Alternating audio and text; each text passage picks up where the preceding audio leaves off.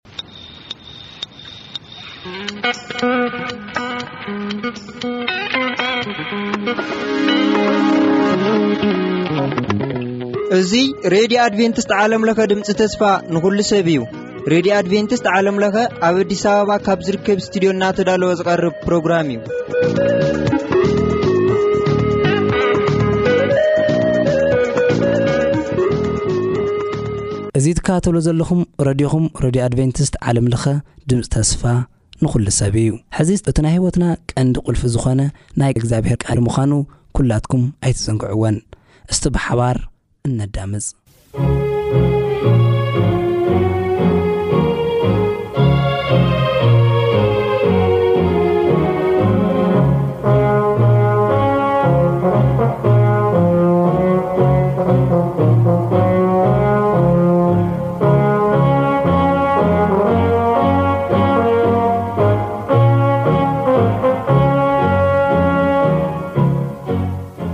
ሰላም ሰላም ኣብ በቦትኡ ኮንኩም መደባትና ናተኻታተልኩም ዘለኹም ክቡራት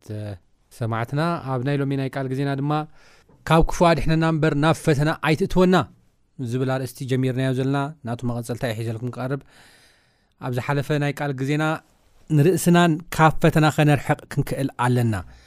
ፈተና ኣብ ወፅመድ ክእትወና ነገራት ኣብ ወጽመድ ከእትወና ዝኽእሉ ነገራት ኩሎም ከነወግድ ክሊር ክንገብር ኣለና ኢልና ኔርና ናብ ወጽመድ እንተ ኣቲና ምውዳቕና ዘይተርፍ እዩ ምውዳቕና ዘይተርፍ እዩ ምሕናቕና ዘይተርፍ እዩ እዩ ስለዚ ርእስና ኣብ ወጽመድ ኣይነእቱ ኣብ መንበር መላገጽቲ ኣይንቀመጥ ብምኽሪ ረሲኣን ኣይንኺት ኣብ ሓጥኣን ኣብ ምንዝራ ናግምና ካብ ዘይፈት ሰባት ኣብኦም እዝኦም ሕብረት ኣይንግበር ንዕኦም ኣይንስዓብ ንዕኦም ኣይንኸተል እዚኣ እያ ንሰብ ዘላቶ ውሕስና እዚኣ እያ ካብዚኣ ወፂኡ ግን ርእሱ ኣብ ፈተና ኣብ ወፅመድ እንተ ኣትዩ ብምንም ተኣምር ክወፅእ ኣይክእልን እዩ ወዳቂ እዩ ብዙሓት ዓበይቲ ሰባት ኣብ ዝሓለፈ ናይ ቃል ግዜና እውን ከም በዓል ዳዊት ዝኣመሳሰሉ ብእግዚኣብሄር ከም ልበይ ዝተባህሉ ሓደ ብመንፈሳውን ከም ልበይ ዝተባህሉ ልዑል ቦታ ዝነበሮም ሰባት ኣብ ግብረ ሃራት ምዕራፍ 13 ከም ዝብልዎ ማለት እዩ ካብዚ ብተወሳኺ ድማ እንደገና ብስጋዊ እውን ኬድና ኣብ ንርእየሉ እዋን ነገስታት ኣብ እስራኤል ካብ ዝተላዕሉ ነገስታት እቲ ዝለዓለ ቦታ ዝሓዘ ክሳዕ ሕጂ ናይ ዳዊት ዙፋን ናይ ዳዊት ዙፋን እናተባህለ ዝፅዋዓሉ ስመ ገናና ዝኾነ ሰብ እዩ ነይሩ ብስጋውን እዚ ሰብ እዚ ግን ርእሱ ናብ ወፅመድ ዘእተወ ሰብ ነገር ግን ካብቲ ክወፅእ ዘይከኣለ ሰብ እዩ ብዝነበሮ ስልጣን ክወፅእ ኣይከኣለ ብዝነበሮ ፍልጠት ክወፅእ ኣይከኣለ ብዝነበሮ ፍርሓት ኣምላኽ ክወፅእ ኣይከኣለ ኣባይ ተዋሒጡ ተሪፉ ድሓር ምሕረት ዶ ረኺቡ እወ ነገር ግን እቲ ዝሰርሑ ሓትያት ዋጋ ዶ ክፍልዎ እወ ሓደ ወዲ ክስእን ገይርዎ እዩ ስለዚ እቲ ብሕታዊ ንዓና ዘለና ኣማራፂ ካብ ፈተና ምህዳም እዩ ካብ ትምኒት ጉብዝና ምህዳም እዩ በቃ ዝብል ርኢና ነና ማጅን ከምቲ ቅድም ኢለ ዝበልኩዎ ዳዊት ከምዚ ዓይነት ሰብ ካብ ኮነ ንሕና ነገስታት ኣይኮና ብመንፈሳዊ ህይወትና ውን ዳዊት ኣብ ዝበጽሖ ስታንዳርድ ዘይበጻሕና ሰባት ክሳብ ክንደይ ኣብ ወጽመ ተእቲና ክሳብ ክንደይ ክንውሓጥ ንኽእል ፕሮባቢሊቲ ብጣዕሚ ብዙሕ እዩ ብጣዕሚ ብጣዕሚ ብዙሕ እዩ ናይ ምውዳቕና ፐርሰንቴጅ እዩ ማለት ስለዚ እንታይ ደኣ ናትና ውሕስና ካብ ፈተና ምህዳን እዩ ካብቲ ምንጉዝና ምህዳን እዩ ካብ ዝሓምዩ ሰባት ክፉእ ካብ ዝገብሩ ሰባት ካብ ዘመንዝሩ ሰባት ካብ ወልፈኛታት ሰባት ርእስኻ ምርሓቕ እዩ ንፅድቅን ንሰላምን ንፍቕርን ምስዓብ እዩ። እዚ እዩ እቲ ዘለና ውሕስና ኢልና ወዲእናዮ ኔርና። ሎሚ ከኣ ቀጺልና ንሪኦ ሓሳብ ተሃለወ እንታይ እዩ? ርእስና ካብኦም ጥራሕ ደይኮና ነርሕቕ፣ ምስ እግዚኣብሄር ኣብ ንጣበቐሉ እዋን፣ ጽድቅን ሰላምን ፍቕርን ኣብ ንስዕበሉ እዋን፣ ካብ እግዚኣብሄር ጉልበት ብምርካብ፣ ነቲ ናይ ሰይጣን ስራሕ ከም ነፍርስ እዩ ዝዛረብ ስለዚ ኣብ ናይ ሰይጣን ስራሕ ምፍራስ ኣዝዩ ጉሉሕ ዝኾነ ኣበርክቶ ናይ ሰይጣን ድፍዓት ኣብ ምፍራስ ዓብዪ ዝኾነ ኣበርክቶ ከም ዝሰርሑ ምስ ክርስቶስ ኮይኖም ኢና ንርኢ እቲ ዋና ናይ ሰይጣን ዕርዲ እቲ ዋና ናይ ሰይጣን ድፋዕ ዝሰበረ ክርስቶስ የሱስ እዩ ሲርዎ እዩ በቃ እቲ ብጣዕሚ ሓያል ዝነበረ ድፋዕ ሴርዎ እዩ ከምዘይነበረ ጌርዎ እዩ እቲ ጽዋሩ ብምሉኡ ባዶ ጌርዎ እዩ ከንቱ ጌርዎ እዩ ኣምኪንዎ እዩ ዲያብሎስ እኒ ከምዘይብሉ ኣንበሳ ጌርዎ እዩ ከም ኣረጊት ኣንበሳ ሓይሊ ከምዘይብሉ ዓቕሚ ከምዘይብሉ ጌርዎ እዩ ሕጂ ስኢልካ ፋሕጠርጠር ዝብሎ እውን ንሕና ብክርስቶስ የሱስ ብጸጋ ኣምላኽ ናይ ምፍራስ ስራሕ ከም ንሳተፍ እዩ እንርእየሉ ሓሳብ ማለት እዩ ብዙሕ ግዜ ብተለምዶ ብፍላይ ብምሓርኛ ክትንበብ ከላ ብጌጋ ዝርድእዋ ሓሳብ ኣላ ንሳ ከነንብባ ኢና ቅድሚ ንሳ ምባብና ግን እቲ ዋና ሓሳብና ክንሪኦ ዘለና ነገር እንታይ እዩ ናብ ፈተና ርእስና ከየእትና እሞ ከዓ እናተዓደምና ማለት እዩ ሰይጣን ንዑ ናብዚ ብዝተፈላለየ ሰባት ንዑ እንዶ እንታይ ፀገም ኣሎ ደይትፃወቱ ከምዚ ዘይትኸውን ገለ እናተባል እምቢ ብምባል እዩ ጽድቅን ሰላምን ፍቕርን ንስዕብ ኣብዛ ዓለም እዚ ዕድመ ስለ ዘይቀረበልና ኣይኮነን ሰይጣን ኩሉ ግዜ ዕድመ የቕርበልና እዩ ንኽንመፀሉ ናብቲ ወፅመድ ክንኣትወሉ ርእስና ብፍቓድና ክንህቦ ዕድመ ይህበና ስለዚ እቲ ዝጅመር እንታይ እዩ እምቢ ኣነ ፅድቅን ሰላምን ፍቕርን መንፈሳዊ ህይወትን እዩ ዝደሊ ኢልና እምቢ ብማለት እዩ ዝጅመር ንሓጢኣት እምቢ ናብ ወፅመድ ርእስኻ ምእታው እምቢ ተባሂሉ እዩ ዝጅመር ካብዚ ቐፂሉ እምቢ ምስ በልና ጽድቅን ሰላምን ፍቕርን ክንስዕብ ከልና እቲ ዋና ኣብ ህይወትና ዝኽሰት ነገር እንታይ እዩ? ሓድሓደ ጥቕስታት ከንብብ እየ። እታ ናይ መጀመርያ ጥቕሲ እየ ከንብባ ዝደሊ። ኣብ ያዕቆብ ምዕራፍ 4 ፍቕዲ 7 ዘሎ ሓሳብ እዩ። ከምዚ ድማ ይንበብ። እንታይ ይብል? እምበኣርሲ ንኣምላኽ ተገዝእዎ። እምበኣርሲ ንኣምላኽ እንታይ ግበርዎ? ተገዝእዎ። ንድያብሎስ ግና ተጻረርዎ እሞ፣ ንሱ ኻባኻትኩም ኪሃድም እዩ። እዛ ጥቕሲ እዚኣ ብዙሓት ብጌጋ እዮም ዚርድእዋ። ንኣምላኽ እንታይ ግበርዎ? ተገዝእዎ። ንድያብሎስ ግና እንታይ ግበርዎ? ተጻረርዎ እያ ትብል። እዛ ጥቕሲ እዚኣ ቅድሚ ምትንታነይ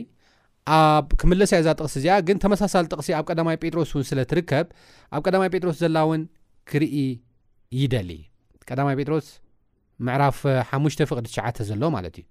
እንታይ ትብል ካብ ቁፅሪ ሸሞንተ ከንብበ ዲያብሎስ እቲ መፃርትኹም ዝውሕጦ ደልዩ ከም ዝጓዘም ኣንበሳ ኮይኑ ይዘውር ኣሎ እሞ ተጠንቀቑ ንሑ ምስ በለ እዚ ሓሳረ መከራ እዚ ነቲ ዓለም ኣብ ዘለዎ ኣሕዋትኩም ይበፅሑም ከም ዘሎ እናፈለጥኩም ብእምነት ፀኒዕኹም ተቃውምዎ ሕጂ ንዲያብሎስ ተፃረርዎ ይብል ኣሎ ኣብዚ ከኣ ብእምነት ጸኒዕኹም እንታይ ግበሩ ንድያብሎስ ተቓወምዎ ይብል ከም ዘሎ ኢና ንርኢ ካብ ዝገርመኩም እቲ ናይ እንግሊሽ ቃል ወይ ድማ እቲ ናይ ግሪክ ቃል እቲ ኦሪጂናል ከድና ክንርኢ ከለና ክልቲኡ ቃል ሓደ እዩ ኣብቲ ናይ ግሪክ ቃል ነገር ግን ኣብ ናይ ትግርኛ ቃልና ከድና ንርእሉ እዋን ሓደ ኣይኮነን ሓደ ኣይኮነን እታ ናይ ግሪክ ቃል እንታይ እያ ትብል ኣንቲስታይሚ እያ ትብል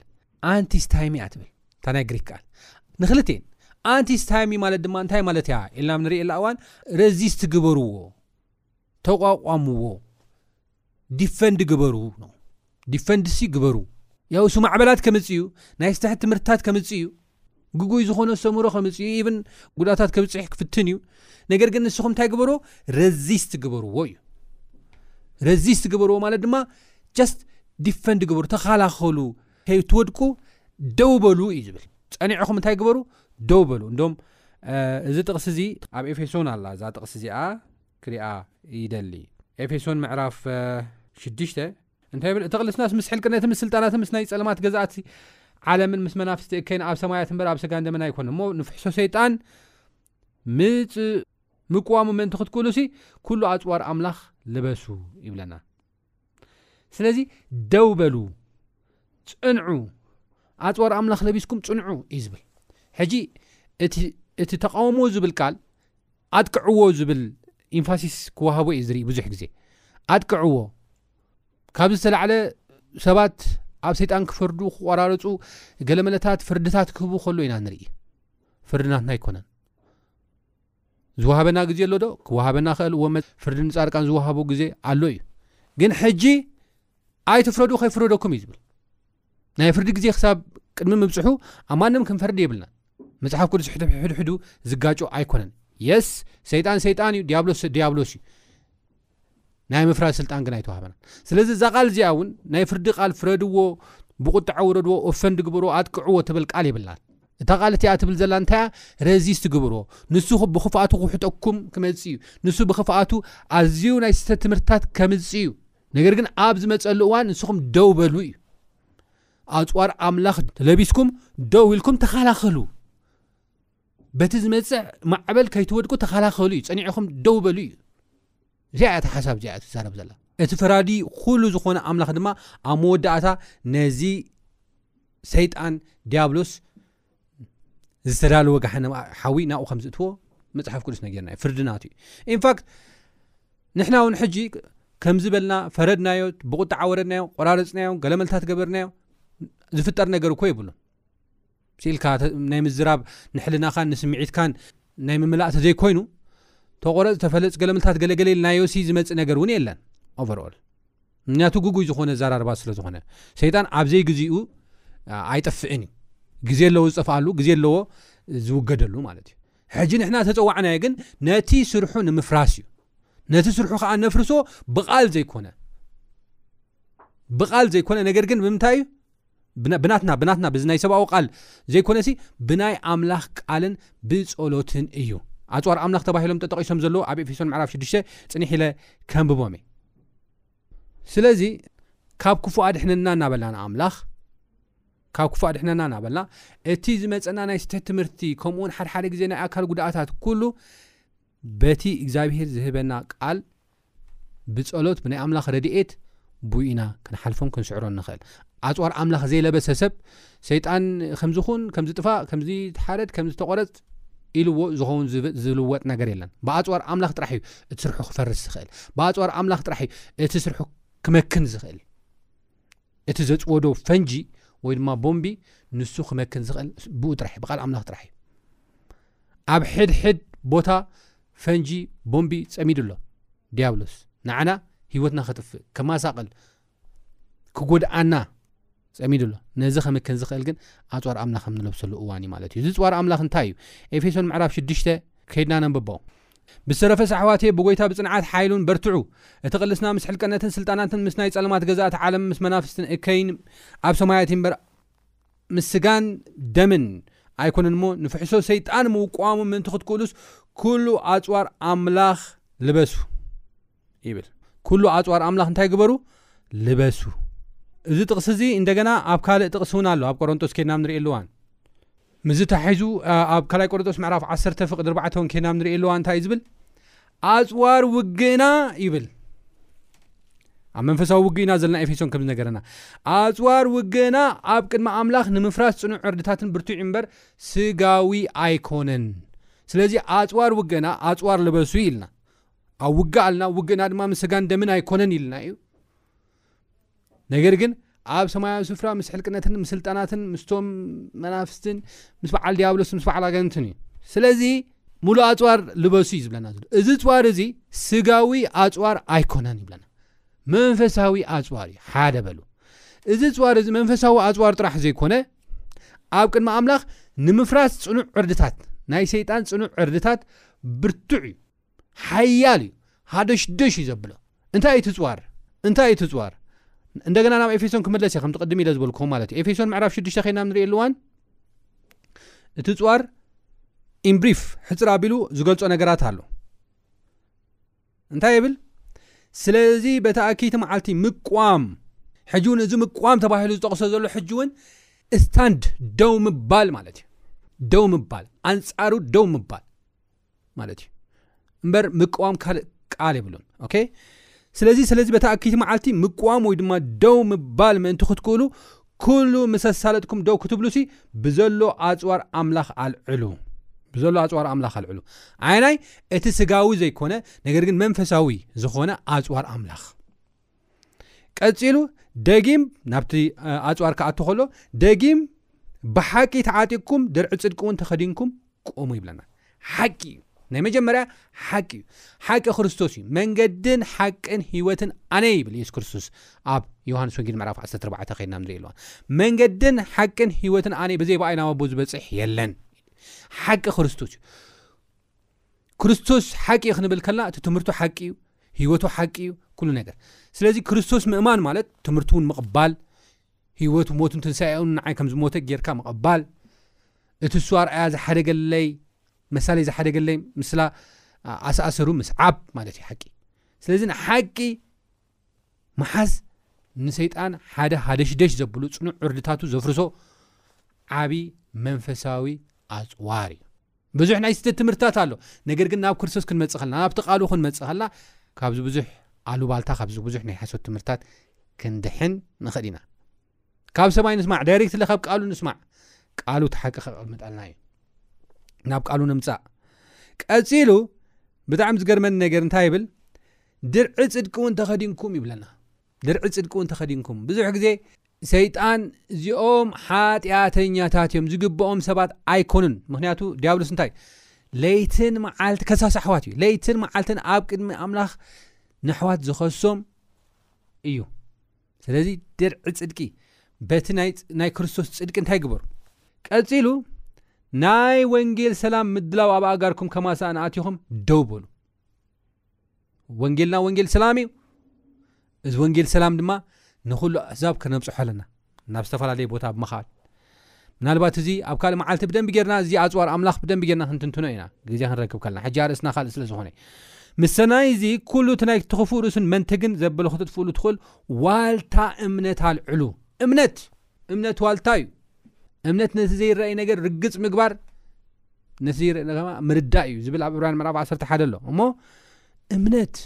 ዋልታ እዩ ክንድሕነሉ ንኽእል ካብቲ ሰይጣን ንዓና ተስፋ ክቁርፀና ክሃሴና ስምዒትና ክጎዳእና ኣእምሮና ክጎዳእና ዝመፅ ነገር ዝከላኸለልና እምነት እዩ ቀፂሉ ናይ ምድሓን ቁራዕ ርእሲ ኣቱ ምድሓን ብክርስቶስ እዩ ብክርስቶስ እመኑ። እዚ ኩሉ ኣጽዋር ኣምላኽ ለቢሱ ብክርስቶስ ዘይተመልሰ፣ ኣእምርኡ ብክርስቶስ ብመንፈስ ቅዱስ ዘይተመልአ ሰብ ዋጋ የብሉን። ቀጺሉ ናይ ቃል ኣምላኽ ቅድም ኢለ ኣንቢበልኩም እየ። ናይ መንፈስ ሰይፊ ማለት ቃል ኣምላኽ እውን ሓዙ ይብለና። ናይ መንፈስ ሰይፊ ንሱ እውን ቃል ኣምላኽ ሓዙ። ስለዚ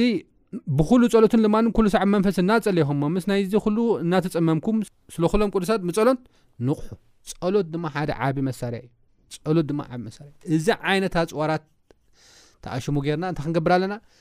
ነቲ ናይ ሰይጣን ዕርድታት በዚ ኢና ከነፍርሶ ንኽእል ንበር ስለ ተዛረብና ስለ ተኣሽሙ ስለ ዝገበርና ኣይኮን ወንጌል ክንሰበኽ ኣለና ሓቂ ክንሕዝ ኣለና እንደገና ጽድቂ ክርስቶስ ክንለብስ ክንክእል ኣለና ኣእምሮና ብመንፈስ ቅዱስ ብክርስቶስ ምድሓን ክመልእ ኣለዎ ክንጸሊ ኣለና ቃል ኣምላኽ ከነንብብ ኣለና እዚታት እዩ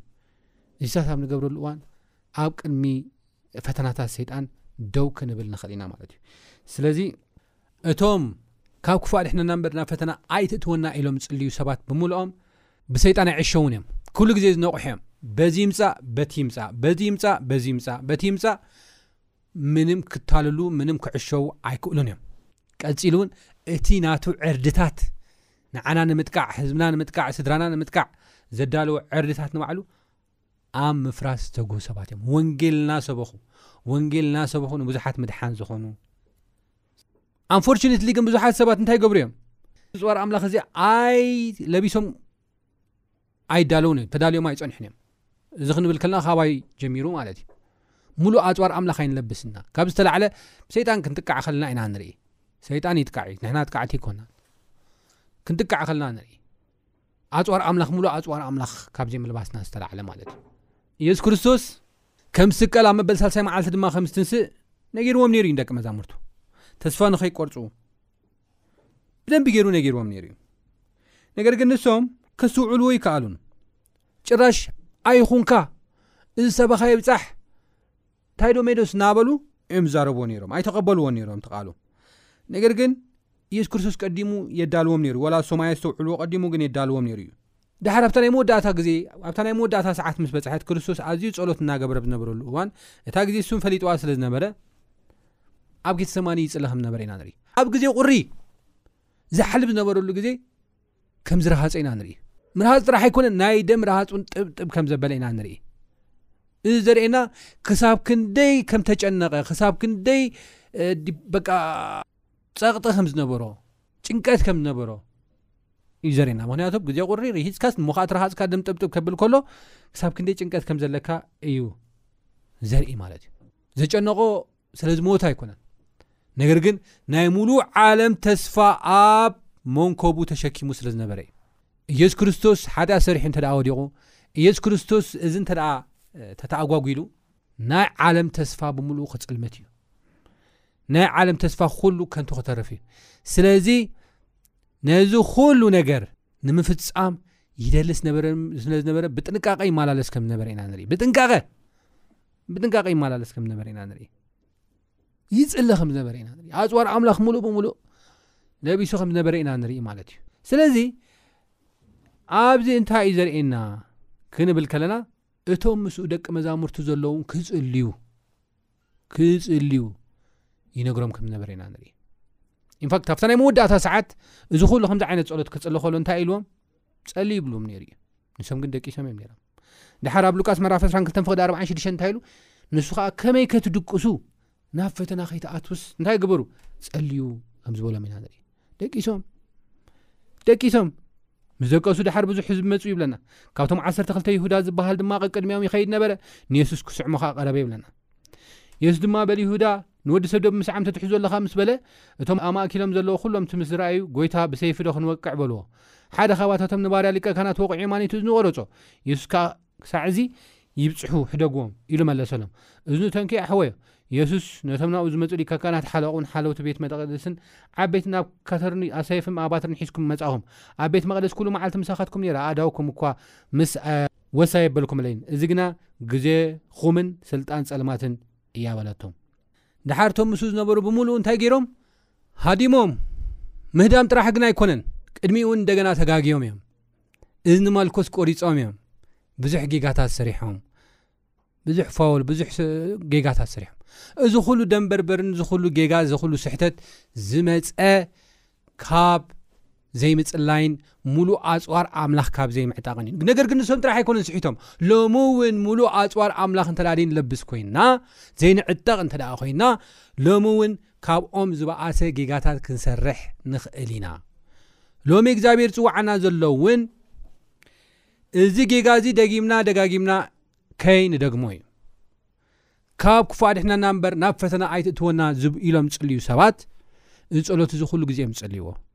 ሙሉእ ኣጽዋር ኣምላኽ እዮም ዝዕጠቑ። ሙሉእ ኣጽዋር ኣምላኽ ተዓጢቖም ኣብ ግዜ ፈተና ናይ ዲያብሎስ ደው እዮም ዝብሉ።